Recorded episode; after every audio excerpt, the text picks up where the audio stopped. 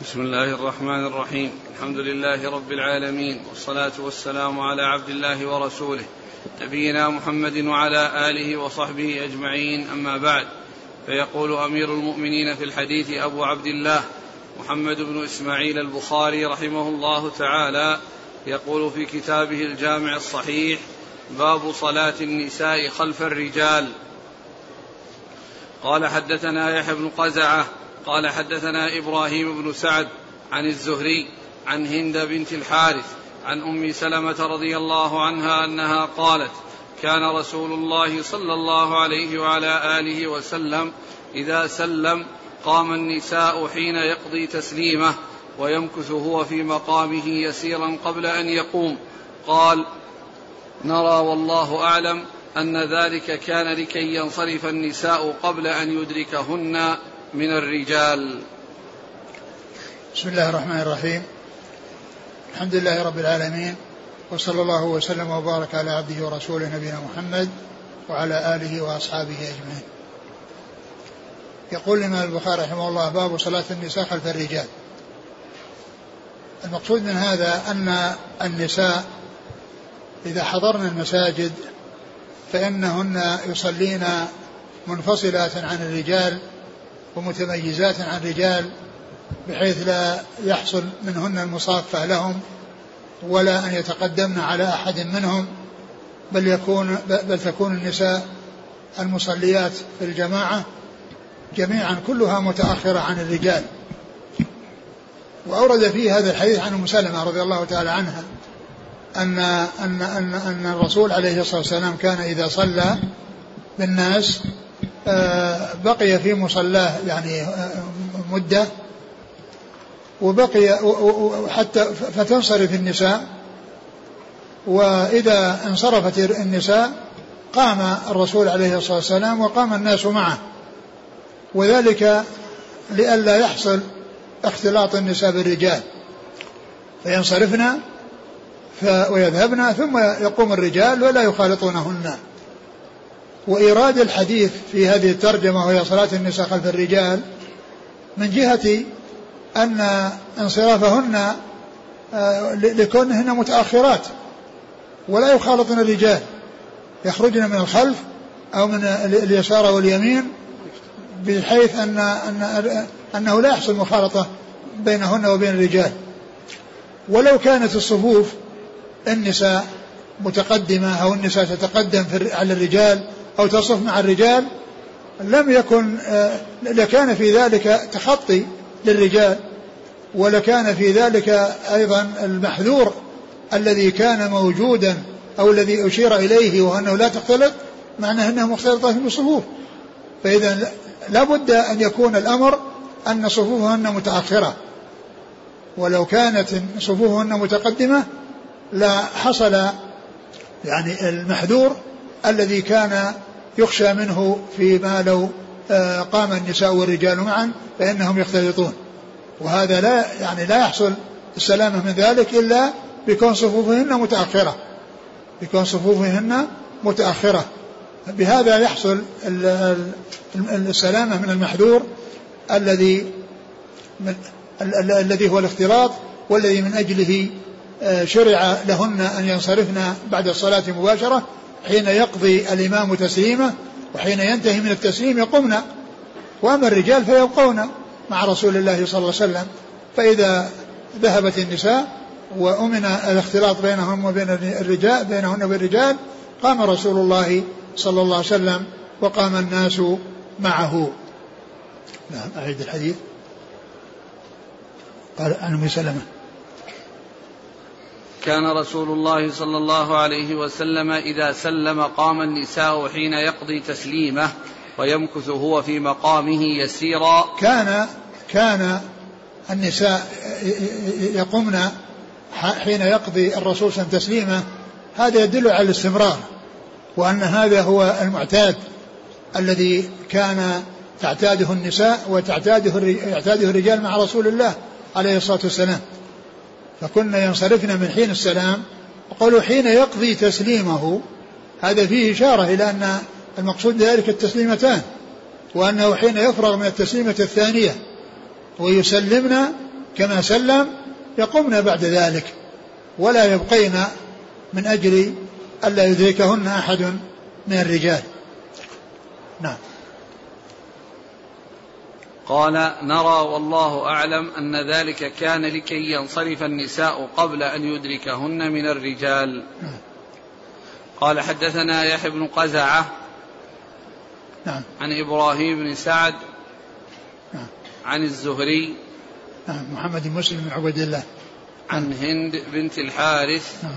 عن أم سلمة نعم. قال حدثنا أبو نعيم قال حدثنا ابن عيينة عن إسحاق عن أنس رضي الله عنه أنه قال صلى النبي صلى الله عليه وعلى آله وسلم في بيت أم سليم فقمت ويتيم خلفه وأم سليم خلفنا. ثم ذكر حديث أنس رضي الله عنه وفي وهو واضح في ما يتعلق بصفوف النساء وذلك أن الرسول عليه الصلاة والسلام لما زارهم في بيتهم وصلى فيهم ركعتين صف أنس ويتيم معه في وراء رسول الله عليه الصلاة والسلام وصفت أم سليم وراءهم وحدها وهو يدل على أن المرأة تكون وحدها في الصف يعني صفا وحدها ولو لم يكن معها أحد من النساء وأنها لا تصف مع الرجال بل تصف وحدها وهذا بخلاف الرجال. هذا مما يتميز به النساء عن الرجال. النساء المرأة الواحدة تكون صفا وحدها والرجل لا يكون صفا وحده لا يكون منفردا خلف الصف. وقد جاء ما يدل على أنه يعيد صلاته إذا صلى. فإذا هذا من الأحكام التي فيها الفرق بين الرجال والنساء. النساء للواحدة أن تصون أن تكون صفا وحدها إذا لم يكن معها غيرها من النساء والرجل لا يكون صفا وحده. والرجل لا يكون صفا وحده وإنما يدخل في الصف أو يعني يدخل فيصلي على يمين الإمام ولا يكون ولا, ولا يصلي وحده ويكون صفا وحده. هذا يعني واضح في الدلالة على ما ترجم له المصنف وهو صفوف النساء خلف الرجال وهو النساء أن النساء يحصل الصف منهن خلف الرجال. والحديث هذا فيه أن أم سليم هي التي صلت وراء, ابنها وبين اليتيم واليتيم الذي معه. والحديث الأول الذي مر أن أن مليكة جدة أن صنعت الرسول صلى الله عليه وسلم طعاما وجاء ولما أكل يعني من الطعام قال قوموا فلأصلي لكم وصلى فيهم. قال فصلي فصليت أنا واليتيم وراءه والعجوز خلفنا. والعجوز خلفنا. هنا ما نص على المرأة وعلى تسميتها. فيعني وهنا نص على أن الذي أن المرأة التي صلت وراءهم هي أم أنس وهي أم سليم رضي الله تعالى عنها. فلا أدري يعني الوجه يعني هل المليكة هذه ما صلت معهم أو أن فيه يعني ترجيح يعني بين الروايات وأن أم سليم هي التي كانت يعني صنعت الطعام وهي التي آه، صلت آه، أو أن مليكة لم تحصل منها الصلاة وأنا أم أنس هي التي صلت مع رسول الله عليه الصلاة والسلام. لكن من من حيث الذي ترجمه المصنف آه، النتيجة واحدة وهي أن أن المرأة تكون صفا وحدها وراء الرجال ولا تصلي بجوارهم ولو كانوا من محارمها ولا تصلي بجوار الرجل ولو كان من محارمها. قال حدثنا أبو نعيم الفضل بن دكين. عن ابن عيينة سفيان بن عيينة. عن إسحاق إسحاق بن عبد الله بن أبي طلحة. عن أنس نعم أنس بن مالك رضي الله عنه خادم رسول الله عليه الصلاة والسلام وأحد السبعة المكثرين من حديث الرسول صلى الله عليه وسلم. يقول فضيلة الشيخ إذا كثر الزحام في المسجد يوم الجمعة لصلاة الجمعة هل يجوز منع حضور النساء لكي يستعمل المكان للرجال؟ إذا كان النساء لهن مكان معين ومخصص يعني لهن فيأتين ويصلين في ذلك المكان المخصص لهن لأنها إذا اجتمعنا وجئنا ثم بعدين يخرجنا يعني لا وجه لذلك. ولكن الرجال يصلون في الأماكن ويصلون في ما يمكنهم الصلاة فيه من داخل المسجد أو خارجه. لا يصير في إعلان مسبق. إعلان مسبق أنه يوم الجمعة سيخصص المكان ما ما أعلم ما أعلم بهذا وجه. قال رحمه الله تعالى باب سرعة انصراف النساء من الصبح وقلة مقام مقامهن في المسجد. قال حدثنا يحيى بن موسى قال حدثنا سعيد بن منصور قال حدثنا فليح عن عبد الرحمن بن القاسم عن أبيه عن عائشة رضي الله عنها أن رسول الله صلى الله عليه وسلم كان يصلي الصبح بغلس فينصرف فينصرفن نساء المؤمنين لا يعرفن من الغلس أو لا يعرف بعضهن بعضا. ثم ذكر باب سرعة انصراف النساء من الصبح وقلة مقامهن في المسجد. باب سرعة انصراف النساء من صلاة الصبح ويعني عدم مكثهن في المسجد يعني بعد ذلك أي بعد الصلاة.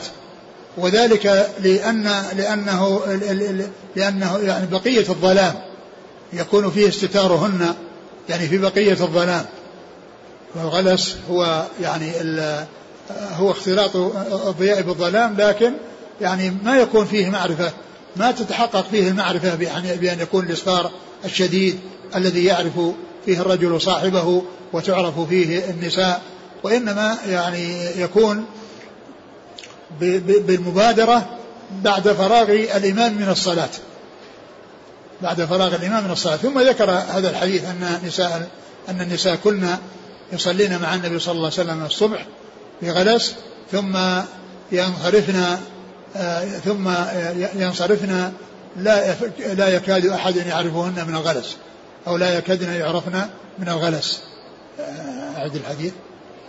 عن عائشة رضي الله عنها أن رسول الله صلى الله عليه وسلم كان يصلي الصبح بغلس فينصرفن نساء المؤمنين لا يعرفن من الغلس أو لا يعرف بعضهن بعضا. وهذا يبين أن التبكير بالصلاة وأن صلاة الفجر يبكر بها.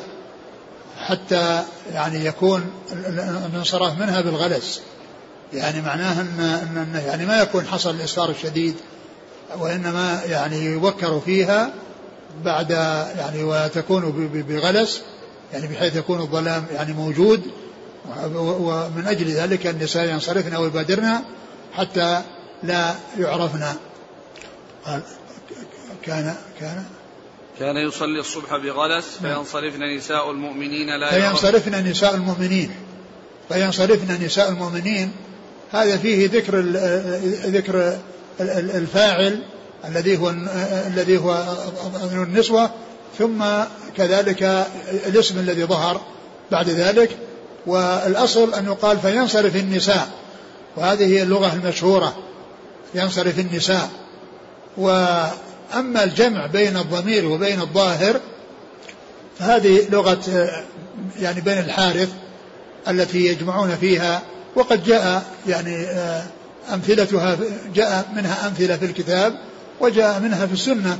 فمن أمثلة في الكتاب في أول سورة الأنبياء و وأسروا النجوى الذين ظلموا وأسروا النجوى الذين ظلموا. ففيه الظاهر الذي هو الذين ظلموا وفيه الضمير الذي هو الواو بقوله وأسروا. وكذلك في الحديث يتعاقبون فيكم ملائكة. يتعاقبون فيكم ملائكة بالليل وملائكة بالنهار. فإن فيه الضمير المتصل وفيه الاسم الظاهر الجمع بينهما. وهذا الذي معنا هو من جنس يتعاقبون فيكم ملائكة. لأنه ينصرفن ينصرفن نساء المؤمنات أو نساء المؤمنين ينصرفن نساء ففيه الاسم الظاهر مع الضمير المتصل المرفوع. فينصرفن؟ نساء المؤمنين نعم. لا يعرفن من الغلس نعم. أو لا يعرف بعضهن بعضا. يعني بسبب الغلس. نعم. قال حدثنا يحيى بن موسى نعم. عن سعيد بن منصور نعم. عن فليح نعم بن سليمان. عن عبد الرحمن بن القاسم نعم. عن أبيه. القاسم بن محمد أحد فقهاء المدينة السبعة. عن عائشة. نعم. هنا يقول وقلة مقامهن في المسجد. نعم. لأنهن يقمن بسرعة لا يبقين. إذا ما حكم بقاء النساء إلى الشروق؟ حتى تشرق الشمس ثم ما دام ما دام النساء لهن أماكن تخصهن ومنفصلة عن الرجال ولا يختلطن بالرجال فللمرأة أن تبقى. للمرأة أن تبقى لأن هذا المكان خاص بالنساء خاص بالنساء. فلو بقيت المرأة أو بقيت النساء فيه يعني آه، لا بأس بذلك.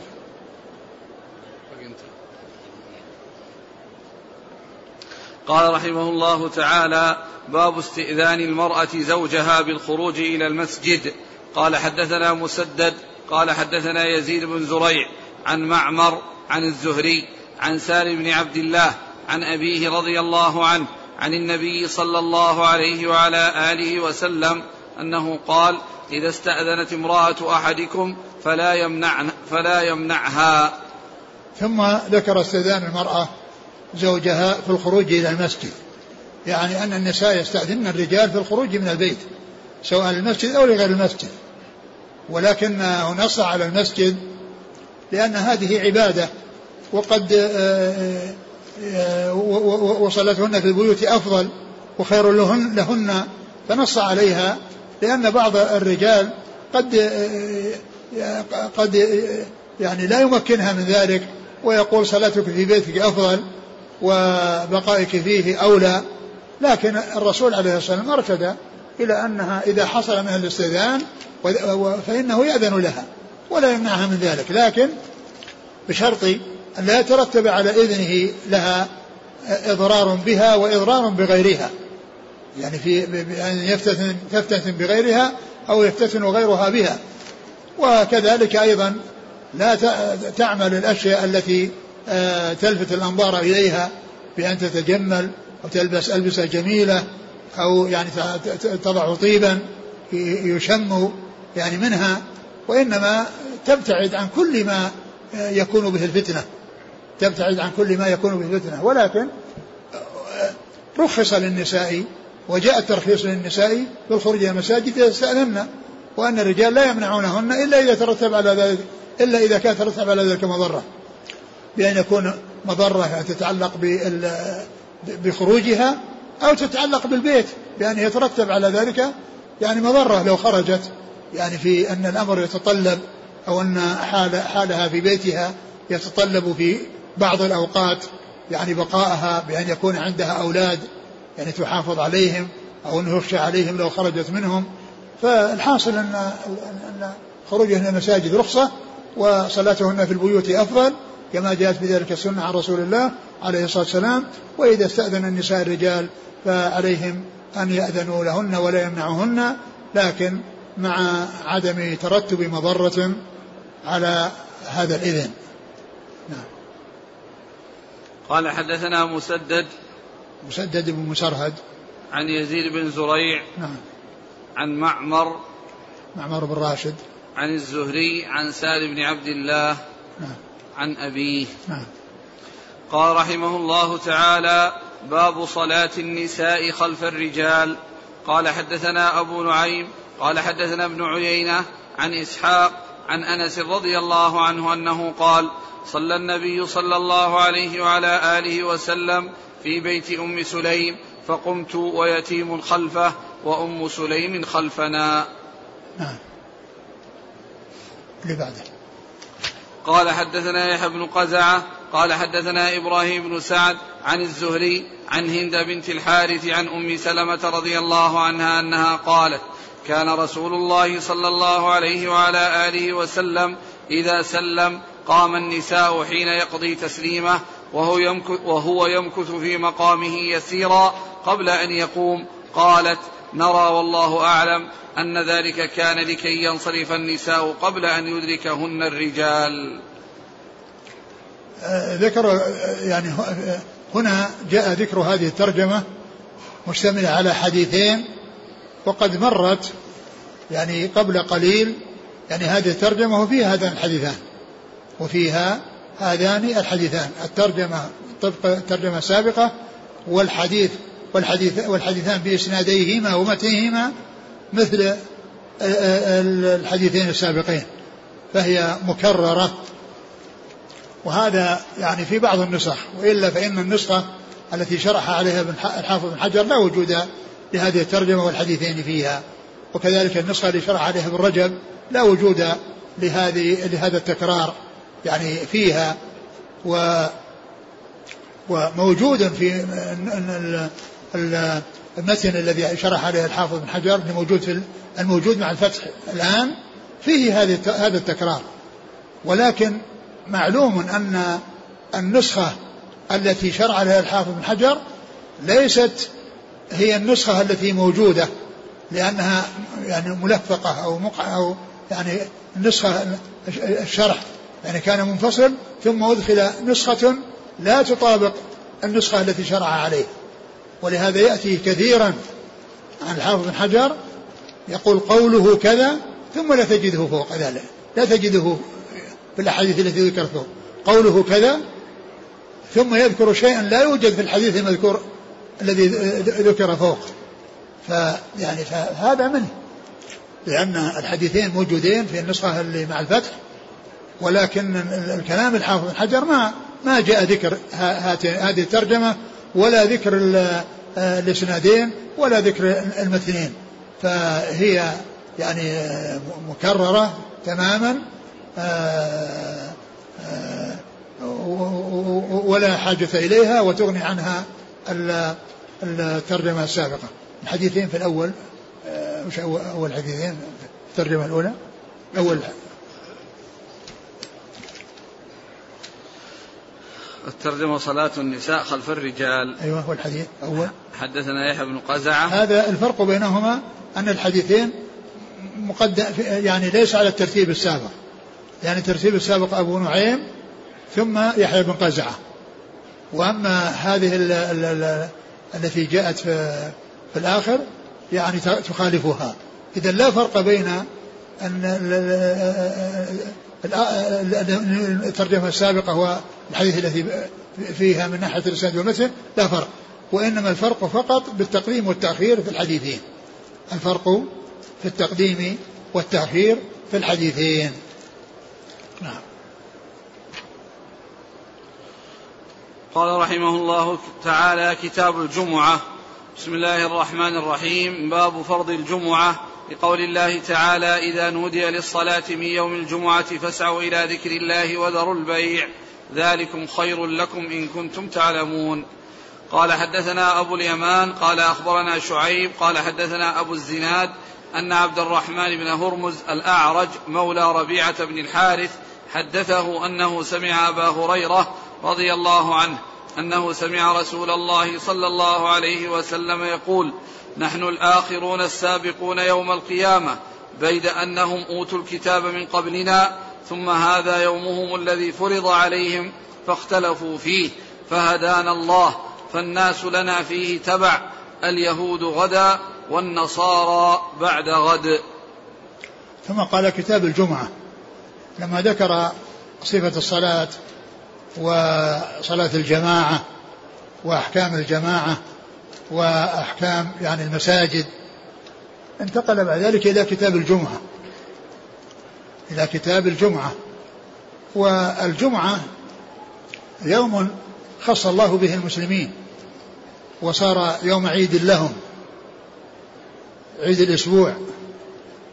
هو عيد الأسبوع وقد جاء في بعض الأحاديث تسميته بالعيد وأنه يوم عيد وأنه يعني عيد للمسلمين.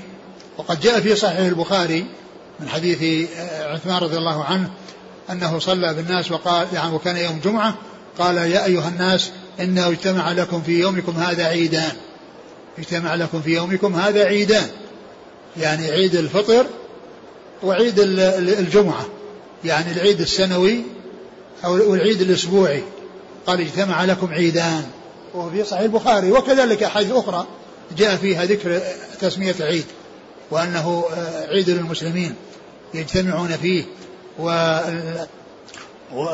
ويجتمعون كل أسبوع والمساجد التي متفرقة تجتمع يحصل اجتماعها في مساجد الجمعة يصلون فيها الجمعة.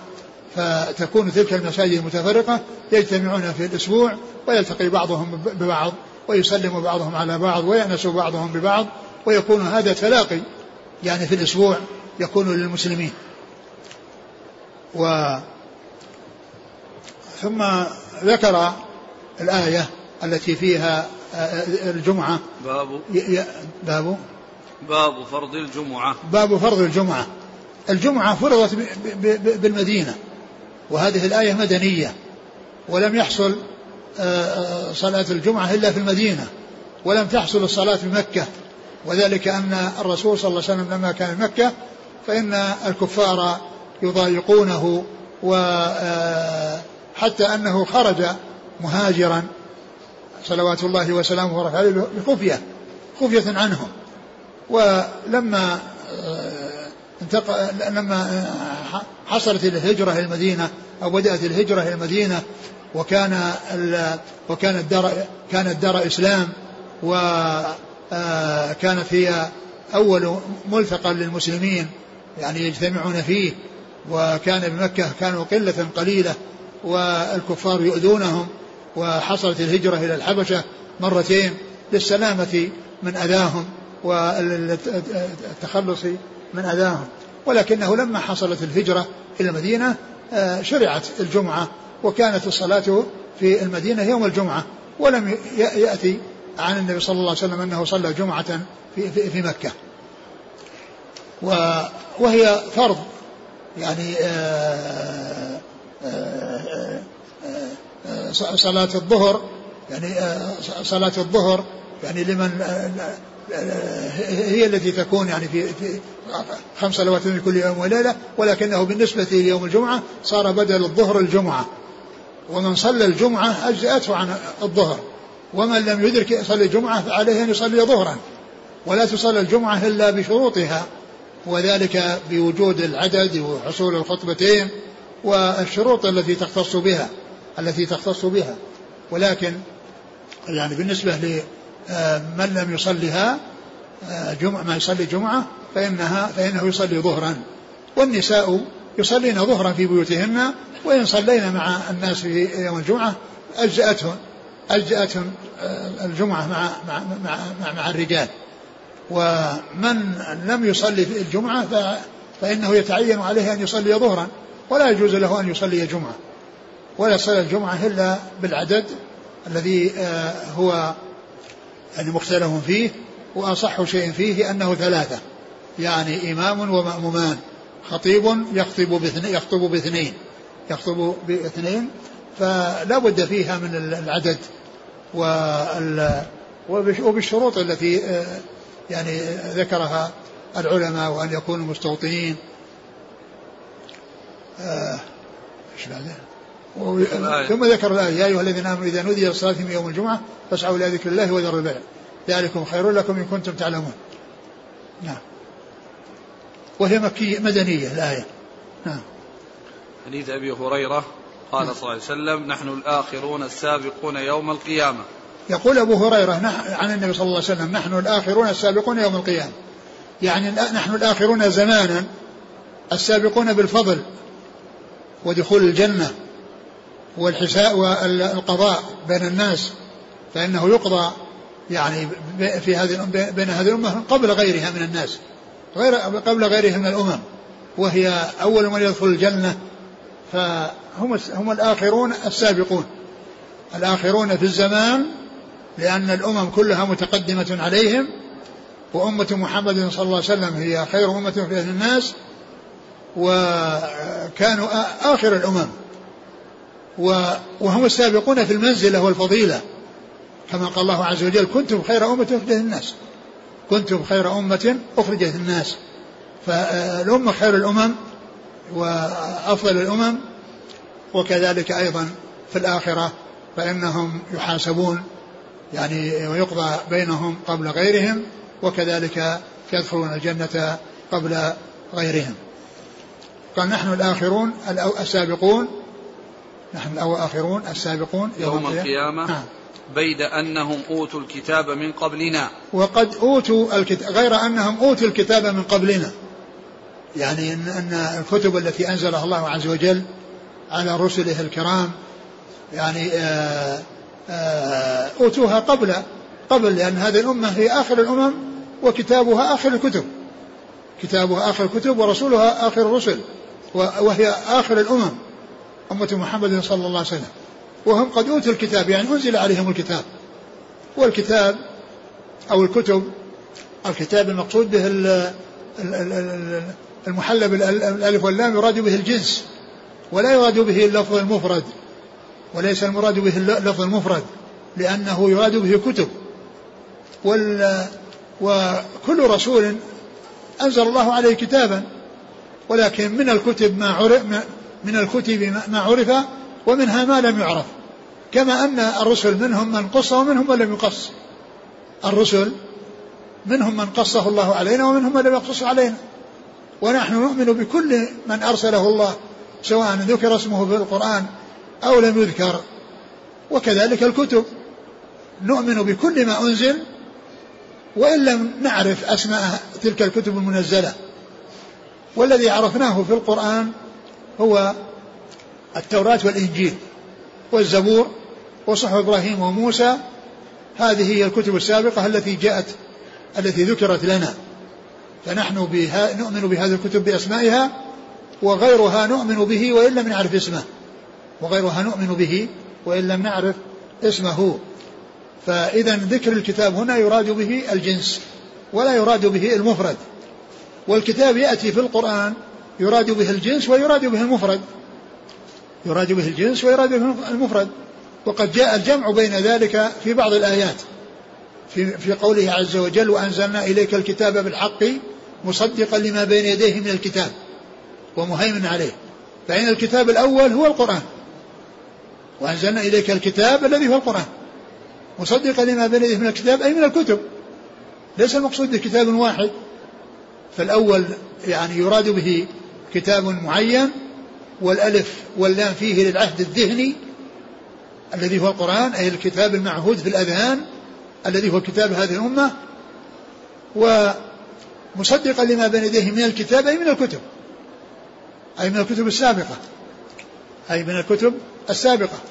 وكذلك الآية الثانية التي في سورة وكذلك الآية الأخرى التي في سورة النساء يا أيها الذين آمنوا آمنوا بالله ورسوله والكتاب الذي أنزل على رسوله نزل على رسوله والكتاب الذي أنزل من قبل.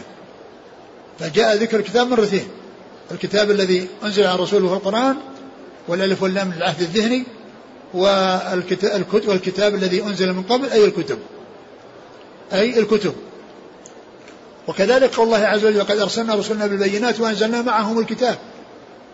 أنزلنا معهم الكتاب يعني الكتب. أنزلنا معهم الكتاب أي الكتب. ف يعني أوتوا الكتاب أي الكتب. بيد أنهم غير أنهم أوتوا الكتاب من قبل لأنهم سبقونا. وجاءتهم ورسلهم سابقة الأمم سابقة والرسل أيضا سابقون.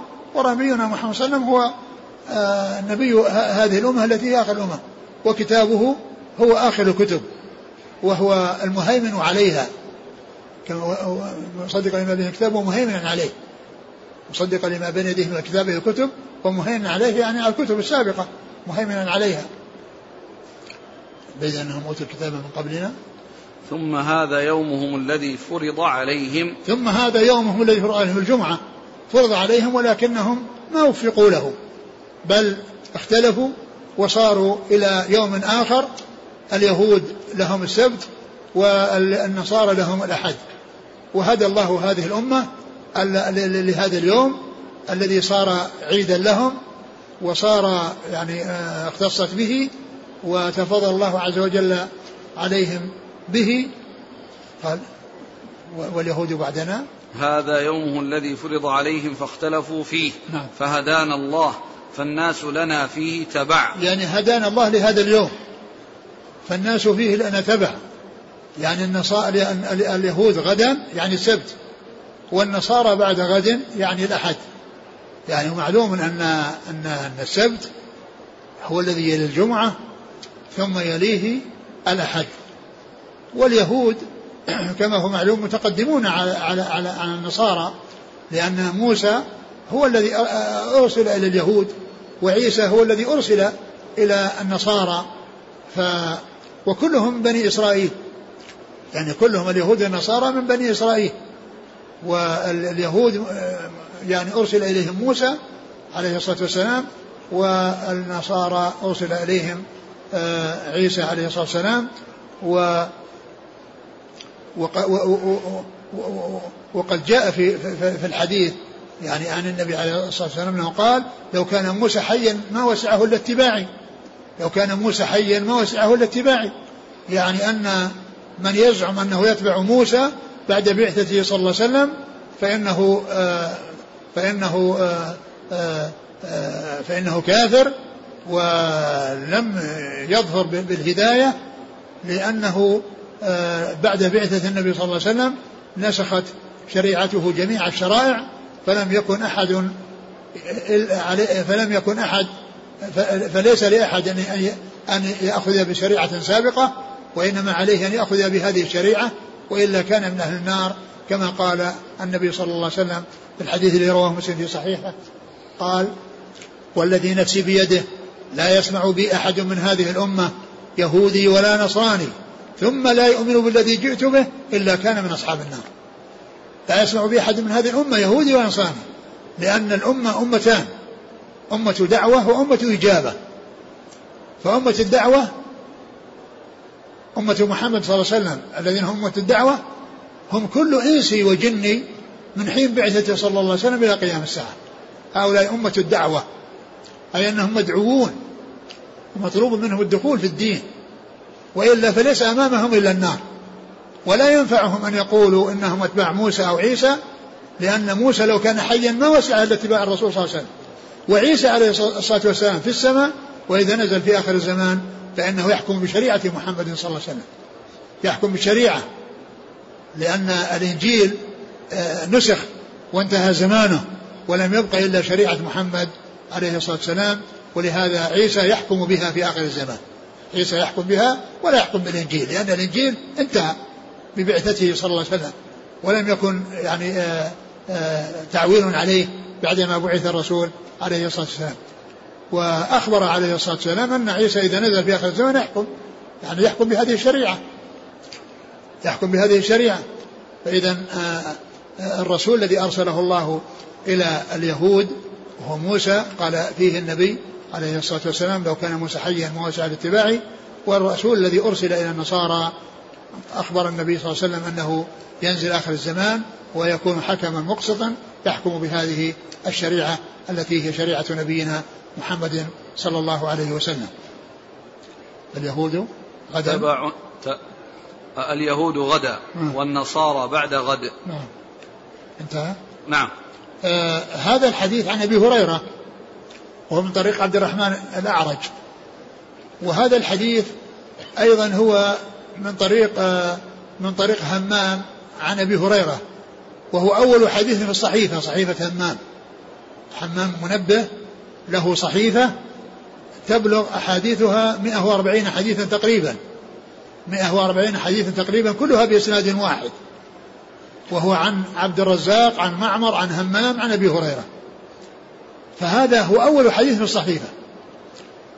هذا الحديث الذي هو حديث آه، أبي هريرة الذي ذكره المصنف هنا عن طريق الأعرج هو الحديث الذي جاء عن عن عن طريق أبي هريره عن أبي هريرة من طريق همام منبه وهو أول حديث في الصحيفه نحن الآخرون الأولون أو الاخرون السابقون يوم القيامة. هذا أول حديث. وكما قلت صحيفة همام منبه هي في مسند الإمام أحمد في مسند أبي هريرة. وهي مشتملة على 140 حديثا تقريبا. ويتميز كل حديث عن حديث بقوله وقال رسول الله صلى الله عليه وسلم. وقال جاءت وقال رسول الله 140 مرة تقريبا بعدد الأحاديث. ف والإسناد هو واحد جاء في الأول. جاء في الأول. ولهذا بعض العلماء إذا أورد حديثا من الصحيفة يأتي بالإسناد ويورد أي قطعة من الحديث ويركب الإسناد المتن على الإسناد. أما مسلم رحمه الله فلعنايته ودقته في الترتيب والتنظيم كان يذكر الإسناد حتى يصل إلى أبي هريرة.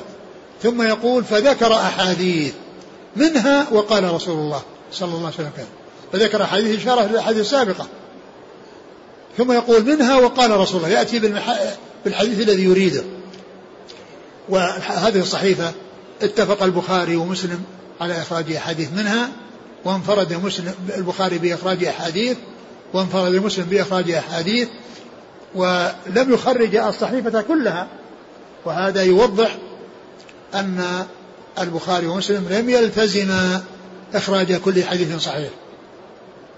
لم يخرجا ولم يلتزما لأنه لو التزما لكان عليهما أن يخرج الصحيفة كلها من أولها إلى آخرها ولا يتركون منها شيئا.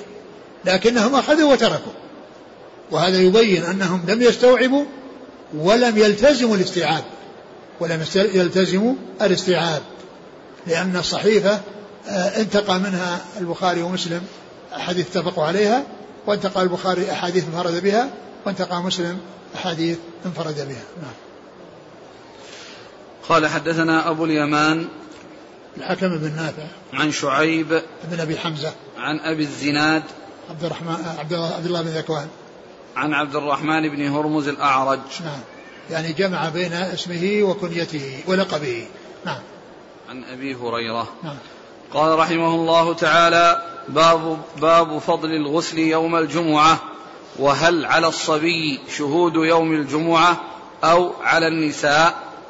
قال حدثنا عبد الله بن يوسف قال أخبرنا مالك عن نافع عن عبد الله بن عمر رضي الله عنهما أن رسول الله صلى الله عليه وعلى آله وسلم قال إذا جاء أحدكم الجمعة فليغتسل.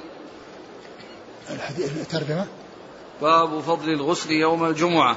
باب فضل باب فضل الغسل يوم الجمعة. باب فضل الغسل يوم الجمعة. يعني بيان فضله وأنه يعني من مما جاءت به السنة عن رسول الله عليه الصلاة والسلام بين على اختلاف بين العلماء في وجوبه أو استحبابه. نعم. وهل على الصبي شهود يوم الجمعة؟ وهل على الصبي شهود يوم الجمعة؟ وكذلك النساء. معلوم أن الصبيان غير مكلفين قبل أن يبلغوا غير مكلفين ولكنهم مأمورون بأن يتمرنوا بأمرون بالصلاة. الجمعة وغير الجمعة ليتمرنوا. لكن الوجوب لا ليست واجبة عليهم. ليست واجبة وقد رفع عنهم القلم. ولا يؤاخذون يعني إذا لم يحصل منهم شيء من ذلك لأن القلم مرفوع عنهم. ولكن ولكن أولياءهم مأمورين بأمرهم بالصلاة وحثهم عليها وتأديبهم على تركها لأن لأنهم إذا إذا حرصوا على الاتيان بالصلاة في حال صغرهم وتعودوا على ذلك إذا جاء البلوغ في أي وقت يأتي في البلوغ هم على على حالة حسنة. ما يبدأون من جديد يتعلمون أو يتمرنون بل يكون ذلك موجودا من قبل. فهم كما مر كما جاء في الحديث مر ابنائكم صلاه أبناء سبع واضربهم عليها العشر وفرقوا بينهم في المضاجع ولكنهم آه، مرفوع عنهم القلم.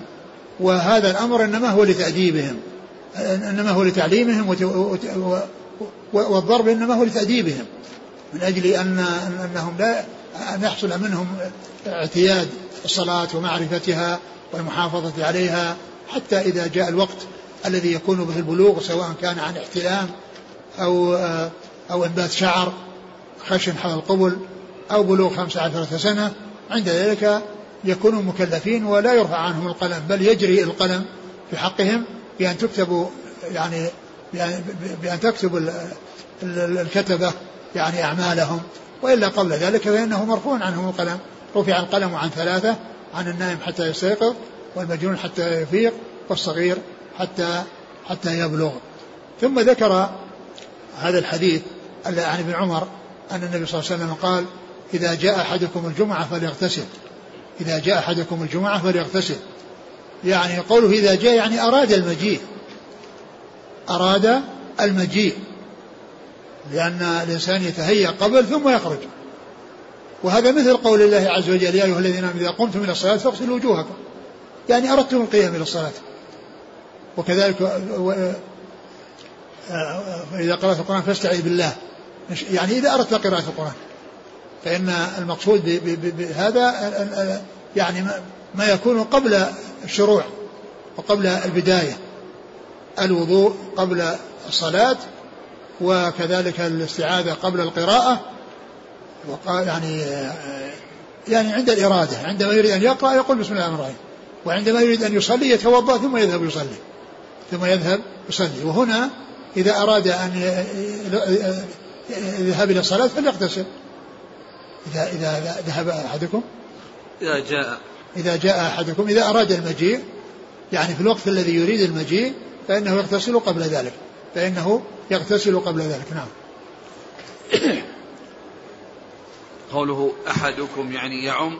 أحدكم طبعا المقصود به المقصود به الرجال لأن النساء ليست ليست من أهل المساجد وليس يرخص لهن في المساجد لكنه عام. لكنه عام. وكذلك الصبي يعني يؤمر بالإغتسال ويعلم آه، آه، الوضوء وما والاغتسال وما وما هو مطلوب من الكبار يعلم إياه حتى إذا وصل إلى سن البلوغ وإذا هو على علم بما هو مطلوب منه وبما يكلف به. قال حدثنا عبد الله بن يوسف هو التنيسي نعم. عن مالك نعم. عن نافع عن عبد الله بن عمر. وهذا الإسناد رباعي من الأسانيد الرباعية عند البخاري وهي كثيرة جدا. نعم.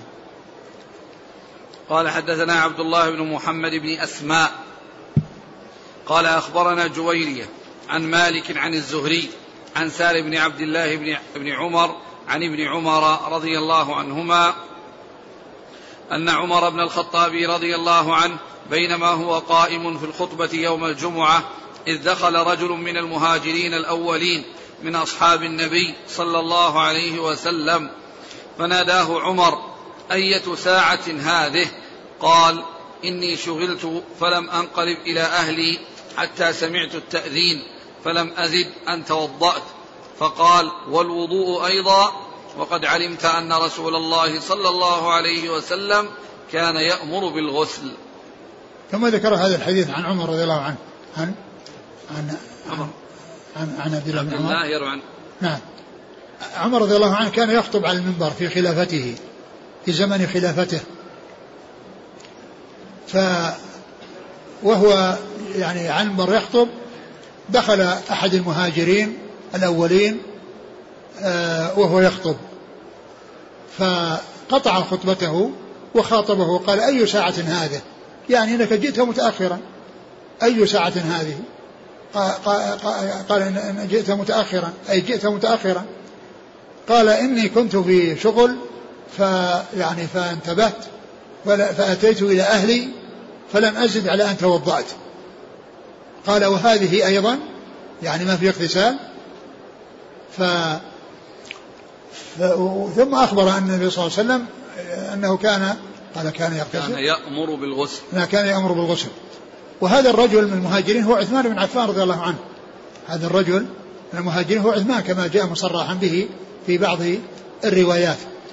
ولهذا لما كان في زمن الخلافة رضي الله عنه أتى بالأذان الأول حتى يستعد الناس ويتنبهوا ولا يفاجئهم الأذان الثاني وهم يعني منشغلون بشيء أو لاهون بشيء.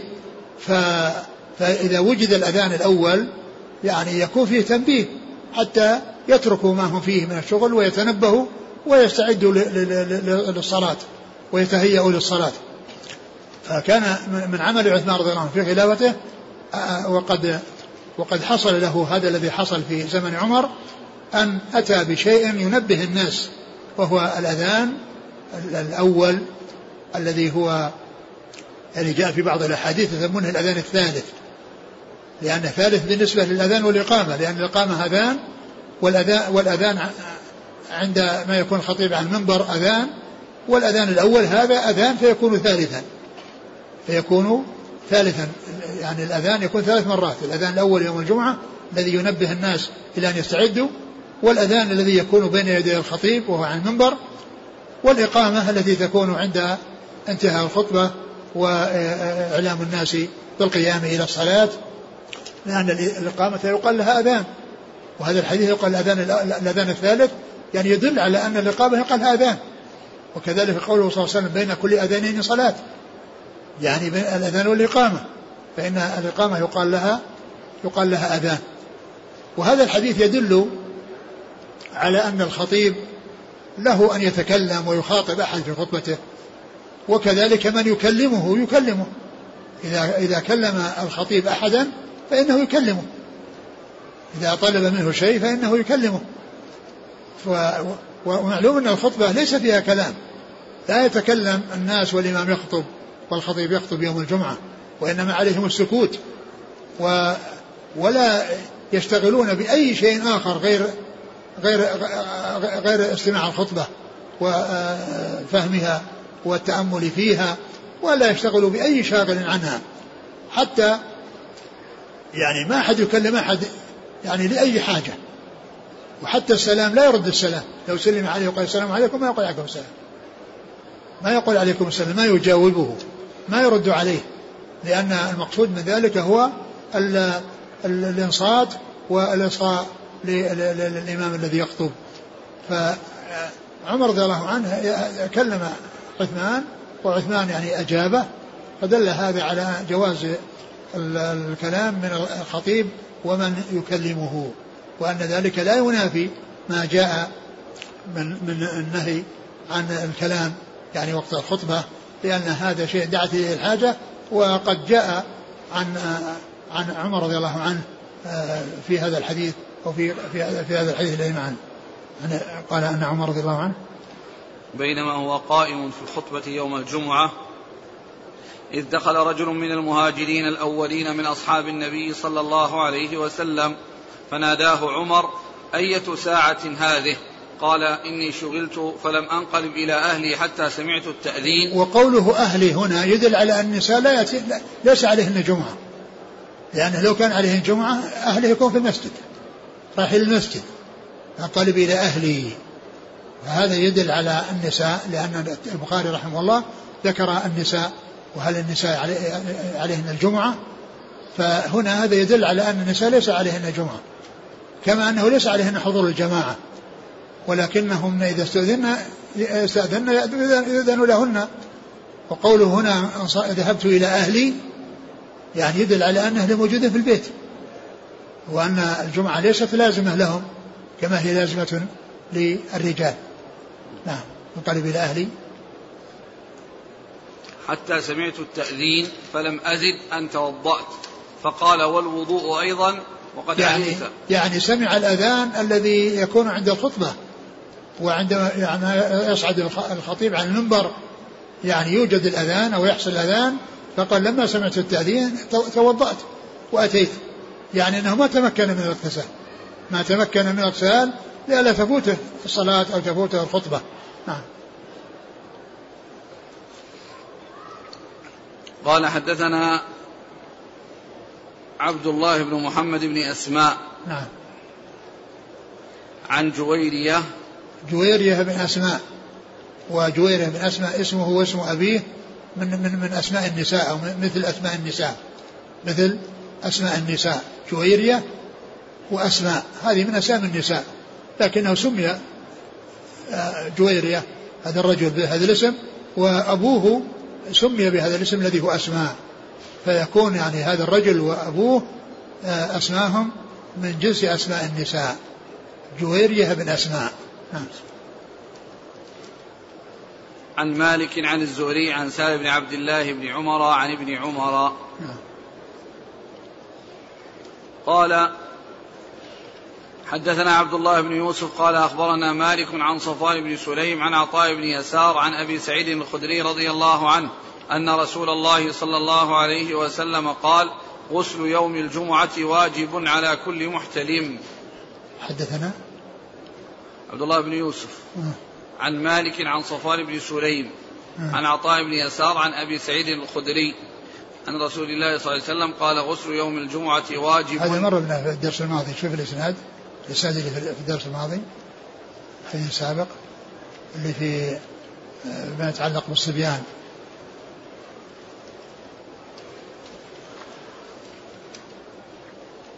قال حدثنا علي بن عبد الله. نعم. عن سفيان. عن صفوان بن سليم عن يعني بن هذا هذا الإسناد متفق مع الأول إلا في الشيخ وشيخ الشيخ لأنه هنا يعني هنا عبد الله بن يونس عن مالك. نعم. وهذا وذاك عن عن علي بن عبد الله. علي بن عبد الله المديني عن, عن سفيان عن, عن سفيان بن عيينة. عن سفيان بن عيينة. فيعني آه، آه، البخاري رحمه الله كما عرفنا أنه إذا كرر الحديث لازم لا بد أن يكون في فائده ساديه ومتنيه ولا يكون متفق الإسناد من أوله إلى آخره والمتن كذلك إلا في احاديث قليلة جدا آه، يعني في حدود العشرين أو تزيد عليه قليلا. حدود العشرين حديثا في البخاري كله في صحيح البخاري كله أو تزيد قليلا. تجي 24 أو 25 هكذا.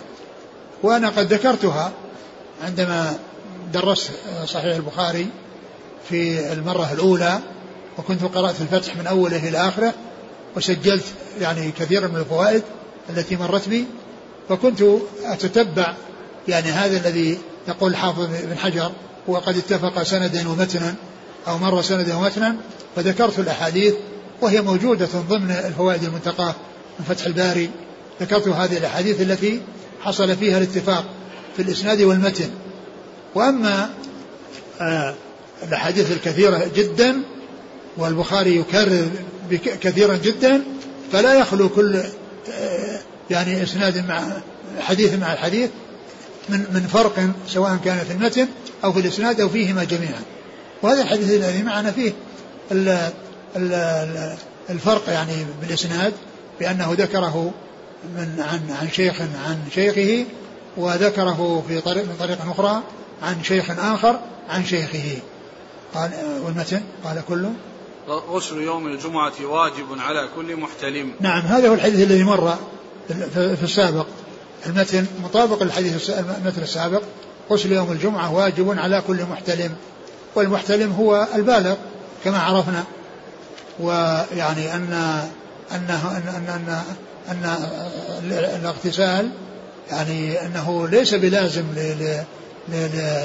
لأولئك كما أن الصلاة أيضا ليست واجبة على الصغار ولكنهم يعلمون الأحكام الشرعية سواء فيما يتعلق بالصلاة أو في الوضوء لها أو الاغتسال وما يتعلق بذلك وقد مر هذا الحديث في الدرس السابق. نعم.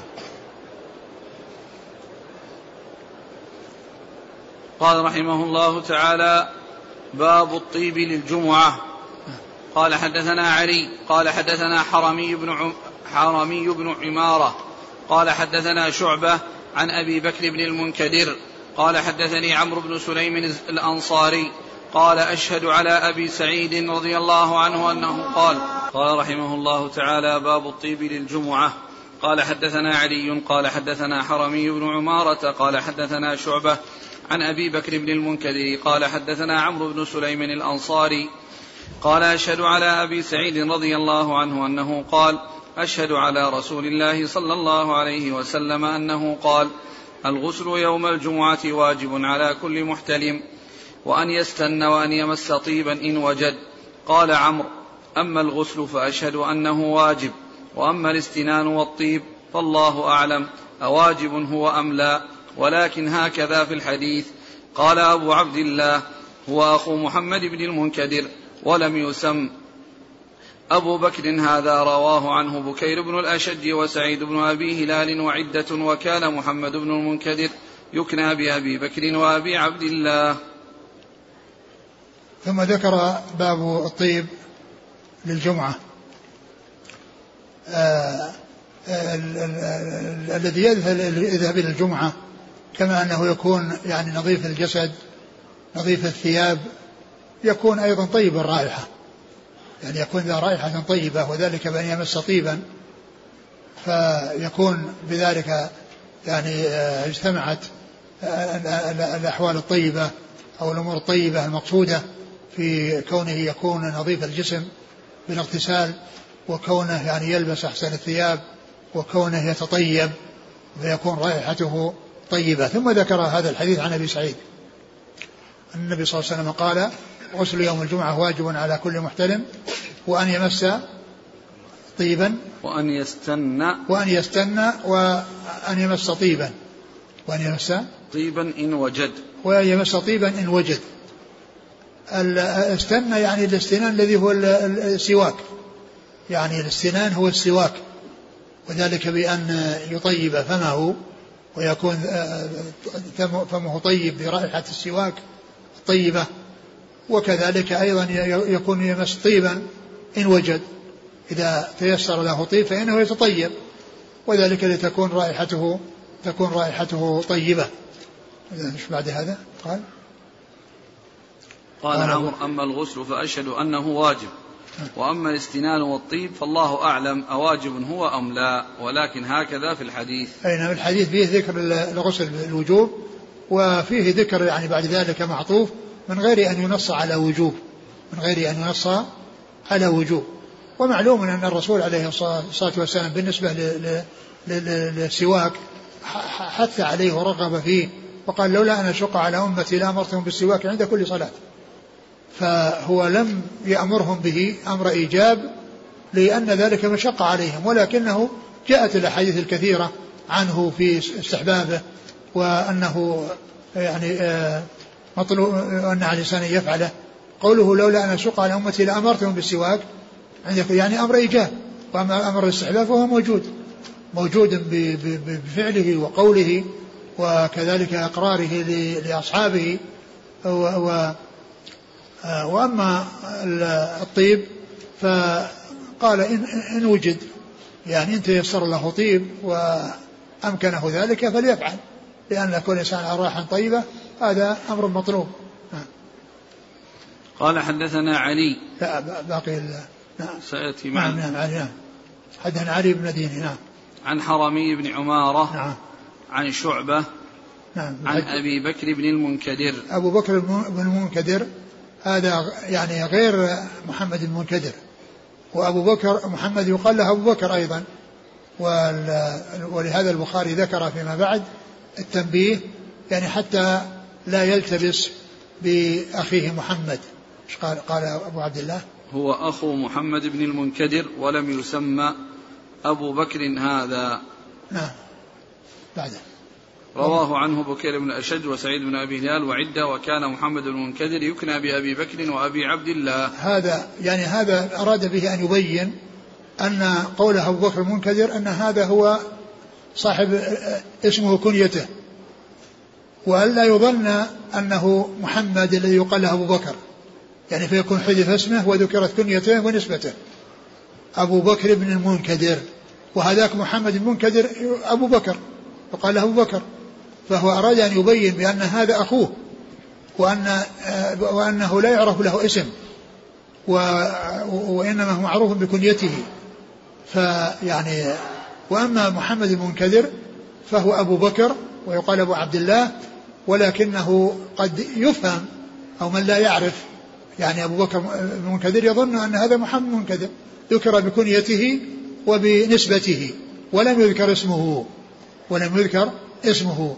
ولهذا بين البخاري رحمه الله أن الذي في الإسناد هو غير محمد المنكدر الذي هو كثير الرواية والذي هو مشهور في الأسانيد الكثيرة ولكون كنيته أبو بكر خشي أو أن يظن أحد أن أنه محمد المنكدر ذكر بكنيته ولم يذكر باسمه.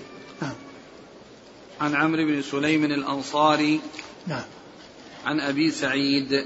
الخدري سعد بن مالك بن سنان والله تعالى أعلم وصلى الله وسلم وبارك على نبينا ورسوله نبينا محمد وعلى آله وأصحابه أجمعين. جزاكم الله خيرا وبارك الله فيكم، ألهمكم الله الصواب ووفقكم للحق. شافاكم الله وعافاكم ونفعنا الله بما سمعنا غفر الله لنا ولكم وللمسلمين أجمعين آمين.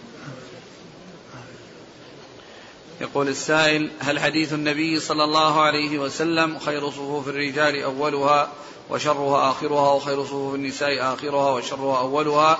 هل ينطبق على المصليات الموجودة الآن بحيث النساء منفصلات عن الرجال؟